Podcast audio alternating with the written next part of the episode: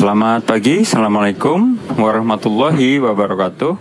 Uh, episode podcast kali ini merupakan episode yang saya bangun secara asinkronus, yaitu secara tidak langsung. Ya, jadi percakapan tidak langsung antara saya dengan Rangga, mahasiswa S1 saya yang akan mengerjakan tugas air di daerah Cisolok, Banten ya. Jadi kurang lebih seperti itu. Mari kita simak percakapan kami. Selamat pagi. Assalamualaikum warahmatullahi wabarakatuh dan terima kasih sudah mampir ke sini.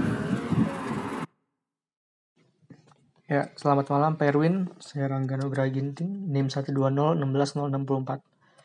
Jadi malam ini saya ingin membahas mengenai tugas akhir saya, Pak. Jadi tugas akhir saya sedang berproses yang judulnya sendiri adalah geologi dan Geokimia Air Tanah daerah Cisolok, Sukabumi, Provinsi Jawa Barat. Saya masih dari awal tertarik bahas mengenai air tanah, dan kebetulan waktu ngobrol sama Pak Ferry, bapaknya bilang ada proyek juga di Cisolok, jadi saya pikir kenapa nggak sekalian aja gitu. TA-nya nanti sendiri akan membahas mengenai karakteristik air tanah pada daerah Cisolok berdasarkan parameter fisika dan kimianya dengan menitik beratkan pada sudut pandang geokimia air. Nanti yang berusaha dicari adalah kualitas air, untuk keperluan manusia, fasies airnya, lain-lainnya, dan tentunya juga kondisi geologis setempat. Nah, jadi di lokasi sendiri terdapat manifestasi permukaan panas bumi. Nah, ini juga nanti rencananya bakal coba saya bahas yang arahnya itu mencari pengaruhnya, Pak. Apakah ada pengaruh dari fluida panas bumi terhadap air tanah di sekitarnya? Apakah ada peningkatan logam berat tertentu atau ada zat kimia tertentu yang jumlahnya meningkat di batas normal? Dan atau seperti atau sebagaimana nanti ditemukan lah pada air tanah yang terdapat di sekitar manifestasi panas bumi. Seperti itu, Pak. Nah, TA saya sendiri sekarang di bawah bimbingan Pak Ferry Sutanto. Jadi dari hasil diskusi terakhir saya sama Pak Ferry, Pak Ferry itu bilang untuk menyarankan ngajak dosen lain yang keahliannya di bidang air tanah sebagai pembimbing kedua gitu, Pak. Guna mempermudah pengerjaan TA ini sendiri. Jadi supaya nanti ke depannya saya juga ngerjainnya lebih bagus, lebih benar, jadi nggak nggak banyak masalah dan lebih lancar. Progresnya sendiri saat ini udah sampai tahap penyempurnaan proposal. Sebagian besar bagian proposal udah kelar, tinggal revisi sedikit. Nanti di email saya juga, nanti di email juga akan saya sematkan PPT yang isinya mengenai presentasi sederhana dari TA saya. Itu aja Pak yang saya sampaikan. Terima kasih atas perhatiannya Pak. Selamat malam. Selamat pagi Rangga terima kasih atas voice note-nya. Jadi uh, kita memang harus selalu mengembangkan cara-cara yang baru ya, yang unik untuk bimbingan ya. Mohon maaf uh, saya beberapa hari ke belakang memang uh, harus menangani beberapa kegiatan. Jadi tanggapan saya via voice note ini dilakukan secara tidak langsung ya. Jadi istilah sekarang asinkronus. Nah, ini akan saya rekam, akan saya kirimkan ke Anda sekaligus nanti kita rekam sebagai podcast begitu. Baik, yang pertama terima kasih atas minat Anda untuk bidang uh, hidrogeologi ya. Jadi bidang ini memang sudah ada di ITB khususnya di program studi teknik geologi sejak tahun 97 sebenarnya. Mungkin lebih awal lagi ya, bisa tahun 95 mungkin sudah ada ya kalau dilihat dari rekaman mahasiswa yang berminat tugas akhir di bidang ini. Namun demikian sampai hari ini memang tidak banyak uh, secara relatif ya kalau dilihat perangkatan mahasiswa mahasiswa-mahasiswa yang uh, berminat uh, mengerjakan tugas akhir di bidang hidrogeologi. Kalau kita lihat memang daerah Cisolok ini unik ya. Jadi yang saya ketahui sampai hari ini Cisolok itu adalah suatu daerah di selatan Pulau Jawa yang tertutupi oleh endapan gunung api yang uh, berumur tua ya. Nah, karena sudah berumur tua, kurang lebih tersier, maka gunung api itu sendiri sudah mati. Secara umum memang di Indonesia gunung-gunung api yang aktif usianya adalah kuarter. jadi lebih mudah lagi.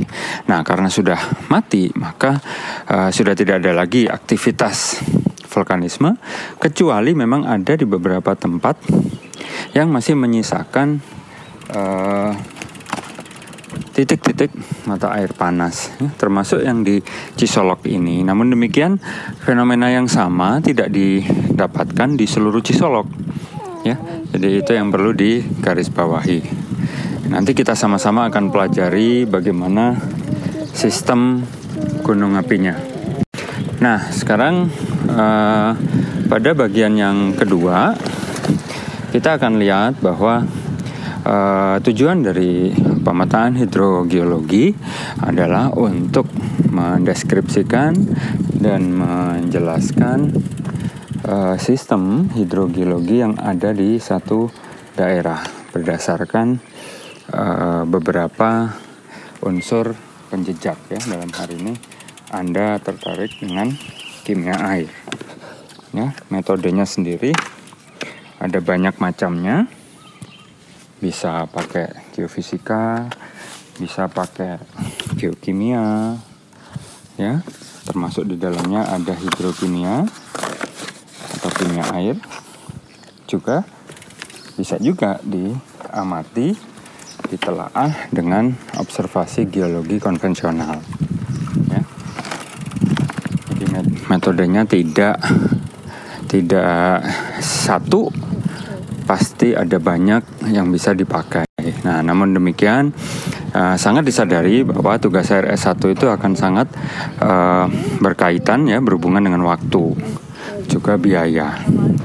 Jadi itu adalah constraint atau kendala yang kita juga harus perhatikan ya baik jadi uh, intinya anda ingin meneliti tentang kualitas air di daerah endapan gunung api tersier ya nah tentunya anda nanti bisa memprediksi dari uh, peta geologi regional ya skala 1 100 ribu uh, juga peta geologi yang lain yang tersedia pada skala lebih besar. Ya, tentunya Anda selalu bisa melacak tugas akhir tugas akhir kakak kelas Anda ya atau tugas akhir mahasiswa geologi di prodi geologi yang lain ya lewat internet. Ya, yang saya tahu bimbingan Profesor Lambok dan Bapak Agus Ramdan itu beberapa menyelesaikan masalah hidrogeologi di daerah Cisolok dan sekitarnya. Ya, oleh karena itu Anda uh, akan bagus kalau bisa melacak uh, tugas saya tugas saya itu selain untuk mengetahui hasilnya juga untuk mengetahui lingkup tugas akhir yang sudah dikerjakan agar tugas akhir Anda tidak uh, merupakan duplikasi gitu. Nah, dari peta geologi tersebut, yang ketiga, Anda bisa mengekstraksi uh, beberapa informasi. Salah satunya adalah tentunya kondisi geologi terdiri dari petrologi, sedimentologi, dan geologi struktur. Ya, Anda coba ekstraksi dari informasi yang ada di peta, juga di dalam penampangnya. Tidak lupa anda juga wajib untuk melihat tabel datanya. Ya, tentunya di setiap tugas akhir, di setiap uh, publikasi artikel ilmiah yang akan Anda dapatkan di internet akan selalu ada data. Nah, utamakan karya-karya yang menampilkan data setnya. Karya-karya lain yang yang tidak menampilkan data set secara langsung uh, saya sarankan untuk dijadikan material pendukung saja ya. Material utama adalah Anda lokalisir karya-karya yang menampilkan data mentah secara utuh.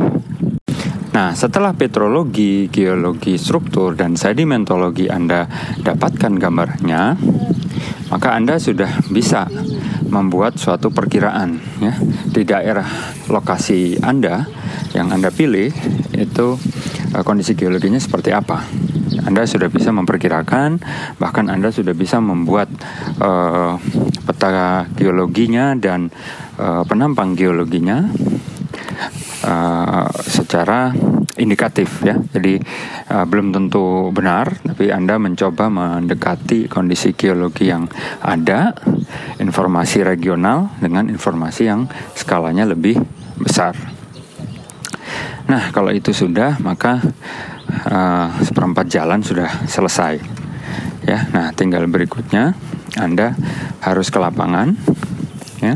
Tapi kita akan akan tentukan nih ya, putuskan situasinya bagaimana karena kondisi di lapangan belum tentu aman dari sisi kesehatan. Jadi ya, yang kita bicarakan sekarang adalah kondisi idealnya ya. Jadi Anda ke lapangan, kemudian mengambil data geologi utamakan data geologi dulu ya untuk bisa mengkonfirmasi informasi-informasi yang Anda dapatkan dari literatur. Nah, setelah kondisi geologinya terkonfirmasi, barulah Anda me menggali lagi data-data hidrogeologi ya yang mencakup pertama adalah data sumur gali yang biasa dimiliki oleh penduduk. Kemudian data-data mata air yang mungkin ada di situ ya. Nah, pertama Anda harus plot titiknya, Anda harus ukur muka air tanahnya, Nah, langkah ketiga barulah Anda ambil data uh, sampel airnya. Kita uji di laboratorium. Ya. Nah, pada masa pandemi ini kita juga harus memperhatikan kapasitas kerja laboratorium. Sampai kita sudah ambil sampel, ternyata tidak ada laboratorium yang bisa menerima sampel itu. Jadi kita harus survei dulu lab mana yang memungkinkan untuk itu dilakukan. Nah, nah, yang terakhir tentunya analisis ya. Nanti kita uh, lanjutkan ya. Uh, tentunya podcast ini akan berseri ya. Tentunya nanti percakapan langsung kita berdua juga bisa kita rekam. Ya, saya sangat senang kalau anda berminat untuk itu karena sekarang ini sangat sedikit uh, kelompok akademik ya yang melakukan hal-hal seperti ini ya menyampaikan ilmu pengetahuan dalam bahasa sehari-hari dengan gaya yang ringan dan cara atau media yang akrab dengan masyarakat. Demikian Rangga, terima kasih. Kita akhiri dulu di sini ya. Tolong Anda cermati pesan-pesan saya untuk kemudian kita berbalas voice note lagi gitu. Mungkin yang kedua kita jadwalkan untuk saling bertelepon ya. Terima kasih, semoga Anda sehat selalu. Sampai jumpa pada percakapan berikutnya.